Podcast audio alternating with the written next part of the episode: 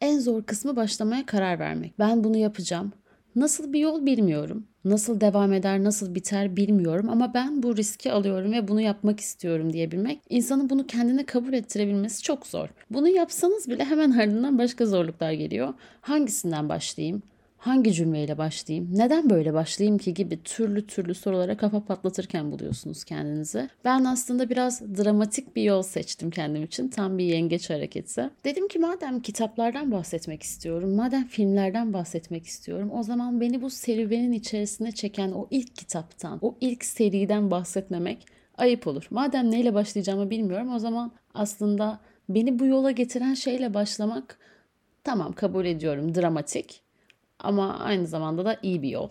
Sonuç olarak bu yolculuğa dört kafadarlar takımından bahsederek başlamak istiyorum. Buraya kadar anlamışsınızdır ki kitap okumayı seven bir çocuk değildim. Hatta nefret ederdim kitap okurken. Şöyle, kitap okurken midem bulanıyordu benim. Ve o yüzden de zaten okuyamıyordum istesem dahi ve istemiyordum da tabii. Aksi gibi ilkokulda da şöyle bir dersimiz vardı bizim. Kitap okuma dersi. Yani diğer çocukların da böyle dersleri oldu mu bilmiyorum ama bizim haftada bir bir kitap okuma dersimiz vardı. İşin ilginci aslında bu derste biz kitap okumuyorduk. O hafta okuduğumuz kitabı gidiyorduk öğretmenin karşısında anlatıyorduk. Şöyle bir kitapta konusu şuydu. Baş karakterin başına bunlar geldi. İşte 8 tane karakter vardı şeklinde detaylıca anlatıyorduk hocaya. Tabii bu benim için işkence olan bir dersti. Ben bir süre sonra bu dersin sırrını çözdüm. Çok ekstrem bir şey değildi ama bana kendimi çok zeki hissettirmişti o dönem. Aslında hoca zaten kitabı bilmiyor. Ben ne anlatırsam o da o kadarını biliyor. Ve bana sorular soruyor. Sorduğu sorular da şöyle. İlk 10 sayfa, ilk 15 sayfadan soru soruyor. Bir de finalle ilgili birkaç tane soru soruyor. Sen o soruyu cevaplarsan hiçbir sıkıntı yok. Kolayca geçebiliyorsun. Tabii ben bu sırrı çözdükten sonra hiç kitap okumadım. İlk 10-15 sayfaya bakıyorum. Finali hızlıca gözden geçiriyorum ve benim için kitap bitmiş oluyor. Harika bir düzen. Alt edilme şansım yok çünkü çok zeki olduğumu düşünüyorum. Daha da ilginci aslında hocayı bu şekilde alt etmek bana inanılmaz bir ego veriyor. İnanılmaz güveniyorum kendime. Ama tabii her yalancının mumu bir gün mutlaka söner. Benimki de söndü. Bir hafta okumak için elime aldığım kitap böyle 80-90 sayfaydı ve içerisinde bir sürü kısa hikaye vardı. Ben yine de asla okumadım kitabı ve tamamen kendime güvenerek işte ilk 10 sayfadaki iki hikayeyi okudum, son hikayeyi okudum ama o gün de öğretmenin öyle bir havası yoktu. Yani açtı herhangi bir hikayeyi sordu bana. Bu sen anlatır mısın bunu diye ben anlatamadım tabii. Biraz şaşırdı kadın. Başka bir hikaye sordu. Ben yine anlatamadım. Çünkü Buse sadece ilk iki hikayeyi okumuş, son hikayeyi okumuş. Aradaki 10 hikayeden haberi dahi yok. Bunu tabii hoca fark edince Buse'nin krallığı da sona erdi. Bütün düzene paramparça oldu. İyi bir azar yedim. O gece eve gittim ama nasıl öfkeliyim? Öfkeden delireceğim. Düşündüğüm kadar zeki olmayışım aslında öfkeliyim. Yani hoca beni yakalamış, bana azar çekmiş, sınıftaki diğer öğrencileri de yakalamış. Tabii bunu yapan tek kişi ben değilim. Başka zeki öğrenciler de var. Ve artık serseri de değilim. Adım çıkmış, rezil olmuşum. Ama daha da kötüsü o kadar da zeki değilmişim ya. İşte bunu fark etmek hele de küçük bir çocukken insanı gerçekten öfke nöbetine sokuyor. İşte o gün aslında ben Dört Kafadarlar takımıyla tanıştım. Axel, Lilo, Poppy ve Dominic. İsimleri böyle okunuyor mu o dönem emin değildim. Hatta çok da gergindim. Hadi Lilo'yu tahmin edebiliyorsun. Poppy en azından böyle yazılmış. Nasıl okunabilir? Dominic zaten Dominic diye okunur okey ama Axel insanı biraz geriyor. Çünkü A, X, E ve L var ve benim X harfiyle ilk tanışışım. Ve sanki ya hayır ya bu böyle okunmamalı Buse. Burada daha nüans olmalı. Burada daha hoş bir tını olmalı. Ama sonra bakıyorum internette bakıyorum her yerde bakıyorum. Birini okutuyorum. Üniversiteye giden kuzenimi okutuyorum. Hepsi Aksel diyor. Diyorum evet herhalde Aksel. Benim düşündüğüm kadar sihirli bir kelime değilmiş X. Onu da öğrenmiş oldum. Şimdi aslında kitaptan bahsetmeye başlayacağım sonunda. Ve kitabı elime alıyorum. Belki sesini duyuyorsunuzdur. Böyle kırmızı bir kapağı var. Bu kitabın eskiden, bu bir seri arkadaşlar tahmin edersiniz ki ve 70 kitaptan oluşan bir seri ve ben okurken yazılmaya devam ediyordu bir yandan. Yani daha da ilginç, benim için daha da heyecanlı bir şeydi bu. Şimdi çok konudan konuya atlamak istemiyorum. O yüzden kitabı elime alıyorum. Saat 13 kez vurunca serinin okuduğum ilk kitabıydı. Dördüncü kitabı. Ve e, bu aslında yeni bir basımdı o dönem için. Yine kırmızı bir kapağı var. En üstünde Thomas Brezina yazıyor. Yazarın adı. Hemen böyle sol köşesinde dört kafadarlar takımı yazıyor ama böyle tahtaya yazılmış gibi. Biraz şey havası veriyor aslında ilk baktığında e, o yabancı filmlerde olur ya liseliler yaz tatilinde ne yaparlar? Kampa giderler. Bütün liseliler oradadır ve eğlenirler ve kampın girişinde tahtalara bir şey yazılmıştır işte kampın adı falan. Burada da dört kafalarlar takımı biraz ona benzer bir havayla yazılı duruyor. Tam dört yazısının altında dördüncü kitap olmasını belirtiyor. Dört yazısı da tabii aynı zamanda. Ve altta da kitapla ilgili bir görsel. Baktığımızda aslında ilk başta hiçbir şey ifade etmiyor ama kitap okuduktan sonra Ha aslında buradaki cübbeli adam bunu ifade ediyormuş. Arkadaki ay ayın büyük olması bunu ifade ediyormuş diye yorumlarda bulunabiliyorsunuz. Ama kitabı okuyana kadar gerçekten buradaki görseller genelde pek bir şey ifade etmiyor. Kitabın arkasını çeviriyorum. Kitabın arkası hiç değişmedi. Yani eski basında da böyleydi. Şu an gördüğüm gibiydi. Tabii siz görmüyorsunuz. Çok kısa anlatayım. Hemen sol üstte Thomas Brezina'nın bir resmi var. Bir fotoğrafı var. Ve arkası mavi. Yani insanda böyle çok eski eski bir hava yaratan bir fotoğraf, bir vesikalık. Ya vesikalık da çok değil de garip bir fotoğraf. Vesikalığın hemen yanında da yazarla ilgili bazı bilgiler var. İşte 92 senesinde Beyaz Tüy ödülünü almış. 93 senesinde Disneyland Paris'in Fahri Hemşerisi ilan edilmiş. Ve o dönem bu benim için hiçbir şey ifade etmiyor. 94 yılında Avusturya Eğitim Bakanlığı tarafından Altın Kitap Ödülü verilmiş. Kendisi Avusturyalı bir yazar zaten. 96'da UNICEF tarafından Avustralya elçisi ilan edilmiş vesaire vesaire. Bu iki kısmın hemen altında sarı bir şerit var. O şeritte de e, kitapla ilgili bilgiler var. Yani çocukları merak ettiren şeyler o dönemki beni en azından baya meraklılara sürüklemişti. Şöyle yazıyor. Saat 13 kez vurunca. Gece yarısından sonra saat ne için 13 kez çaldı? Geceliğin kim bankalara girdi ve tek kuruş almadan çıktı? Poppy'nin kuzeninin çantasındaki deste deste paraların sırrı ne? Dört kafadar bu gibi ilginç sorulara yanıtlar ararken bir de karşılarına kara keşiş çıkmasın mı? Acaba dört kafalar kara keşişle nasıl baş edecek dersiniz? Şimdi belki şu an bir şey ifade etmiyordur sizin için. Şu an benim için de çok bir şey ifade etmiyor ama o dönem kitap okumayı sevmeyen bir çocuk olarak beni kitabın içerisine sürükleyen sorular bunlardı. Ve hiçbir fikrim olmayarak bu kitabı okumaya başlamıştım yatakta. Yazarın aslında şöyle bir taktiği var. Çocukları şu şekilde kendi içerisine çekiyor. Diyelim ki 13 bölüm var bu kitabın içerisinde. Bakıyorum gerçekten de öyle. Yaklaşık olarak 15 sayfa falan her bölüm. E, zaten e, ister istemez bir bölüm bitmeden yatmıyorsunuz. Bir bölüm bitmeden kitabı kapatmıyorsunuz. Ama yazar şöyle yapıyor. Hiçbir bölümü e, tam bir bitişle bitirmiyor. Mutlaka bir soru işareti, bir heyecanlı an, bir silah patladı. Ya da efendime söyleyeyim birisi göründü kapının ardından kim belli değil. İşte dört tane arkadaş bunlar zaten anlamışsınızdır. Axel, Dominic, Lilo ve Poppy. Birinin başına bir şey geldi. Allah diğerleri öğrenecek mi? İşte diğerleri nerede? Bu çocuğa bir şey mi olacak? Ne oldu? O kimdi? Bu kimdi? Falan diye böyle sorularla aslında siz kitabı bırakamıyorsunuz. Her bölümü öyle bir yüksek bitiriyor ki ister istemez okumaya devam ediyorsunuz.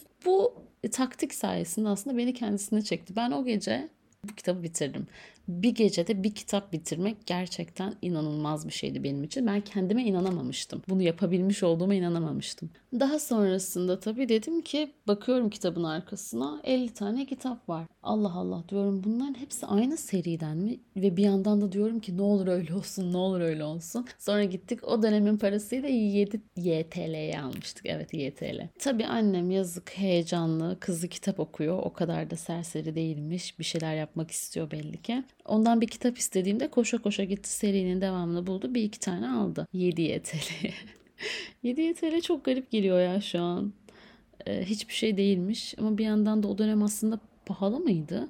Tam da emin değilim ve ben bir günde bir kitap bitiriyordum. O kadar delirmiş durumdaydım. Artık dersleri falan bu sefer de iplemiyorum yani. Bende de sınır yok ve bittiği için de sürekli bana kitap alıyorlar. Doğum günümde bu kitaptan hediye ediyorlar. Ben havalara uçuyorum. Babam geliyor diyor ki sana bir şey aldım. Baba diyorum ne aldın? Ne olur seriden bir şey almış ol. Ne olur seriden bir şey almış ol. Öyle bir merak. Tabii şöyle bu kitabı bir Sherlock Holmes'le karşılaştıramam. Sherlock Holmes aslında yetişkin bir roman aynı zamanda. Kitap daha çok bir çocuk romanı ee, ve çocuklara hitap ediyor. O yüzden de çocukları yükseltecek şekilde soru işaretleri var kitapta. Belki şu an okurken ben çok uzun zamandır okumuyorum. Şu an okuyacak olsam belki beni o kadar tatmin etmeyecek ama bende tabii ki bir anısı olduğu için okumak benim için daha kolay olacaktır. Ama tabii sonuçta aslında ben burada bir tavsiyede bulunuyorum. Sizin için olabilir, alıp okuyabilirsiniz kaç yaşında olduğunuzdan bağımsız olarak. Kitap okumayı sevmeyen bir yeğeniniz, kardeşiniz, çocuğunuz varsa belki bir hediye olarak bir Dört Kafalar serisiyle karşısına çıkabilirsiniz. Onun için de bence büyük bir değişiklik olacaktır.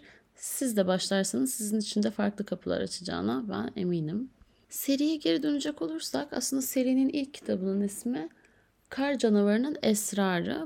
Burada şöyle bir durum var. İlk kitapta aslında çocuklar bir yarışmada tanışıyorlar ve bir kar canavarının gizemini çözüyorlar ve sonrasında arkadaş oluyorlar. Yani seriye başladıklarında aynı okulda okuyan, birbirleriyle yakın yaşayan insanlar değiller bunlar. Hepsi farklı şehirlerde ya da en azından farklı okullarda okuyor ve birbirlerinden ayrılar. Ancak bir yaz tatilinde, bir kış tatilinde, herhangi bir tatilde bir araya geldikleri herhangi bir zamanda nasıl oluyorsa bu dördünün başına mutlaka bir şey geliyor. Dördünün burnu gerçekten boktan çıkmıyor ya. Hem bir yandan üzülüyorum onlar için okurken hem de bir yandan diyorum ki ya benim başıma neden böyle şeyler gelmiyor çocukken tabii ki. Okurken sinirlendiğim bir şey daha vardı. Birincisi az önce söylediğim gibi yani hep mi bütün talihsizlikler, hep mi çözülmesi gereken gizemler bu dört çocuğun başına gelir diye sorguladığım bir kısım. İkincisi de şu.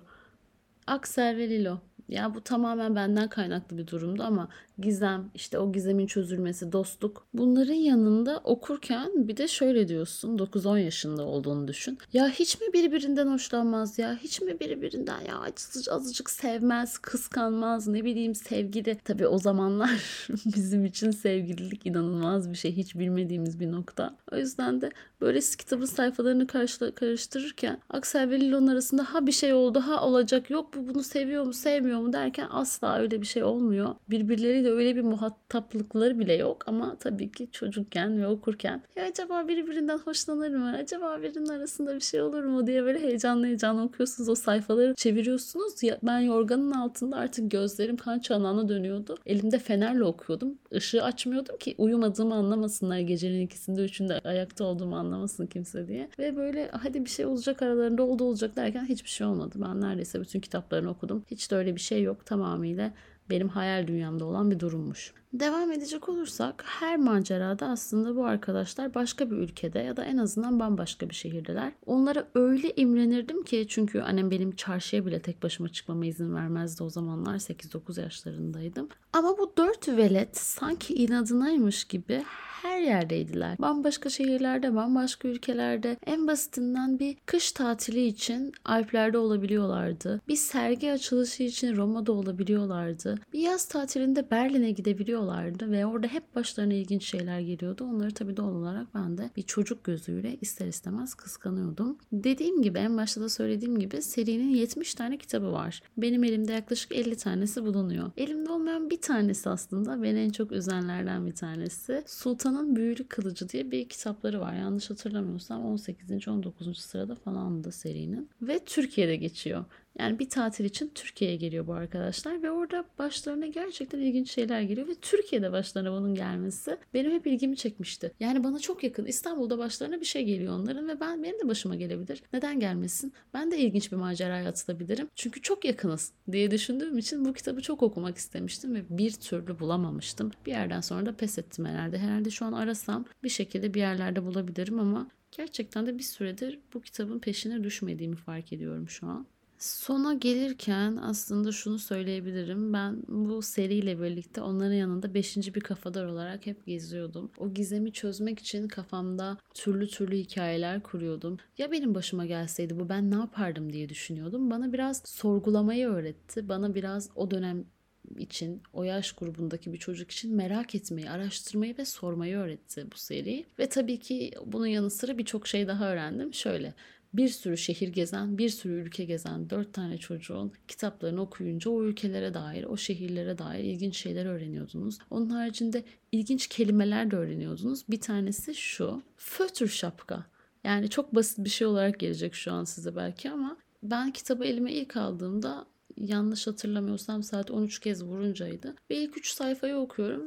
Daha önce hiç böyle bir şeyle karşılaşmamışım ilk defa gerçekten anlamıyorum ne demek istediğini. Fötür şapka ne ya falan diyorum ve kitapta bu buna benzer birçok kelime var ve birçok şey öğreniyorsun okurken. O da benim için e, çok ilginçti. Bir de bu arkadaşların çok tatlı bir marşları vardı. E, hızlıca bakıyorum. Kitabın serinin en başında, yani kitabın en başında. Önce dört kafadarlar takımını tanıyorsunuz. İşte Axel, Lilo, Poppy ve Dominik bunlar kimdir? Hobileri nedir? Ne yemeyi severler? Ne içmeyi severler? Takma isimleri nedir? Gerçek isimleri nedir? Bunların hepsini, yaşlarını vesaire burada öğreniyorsunuz.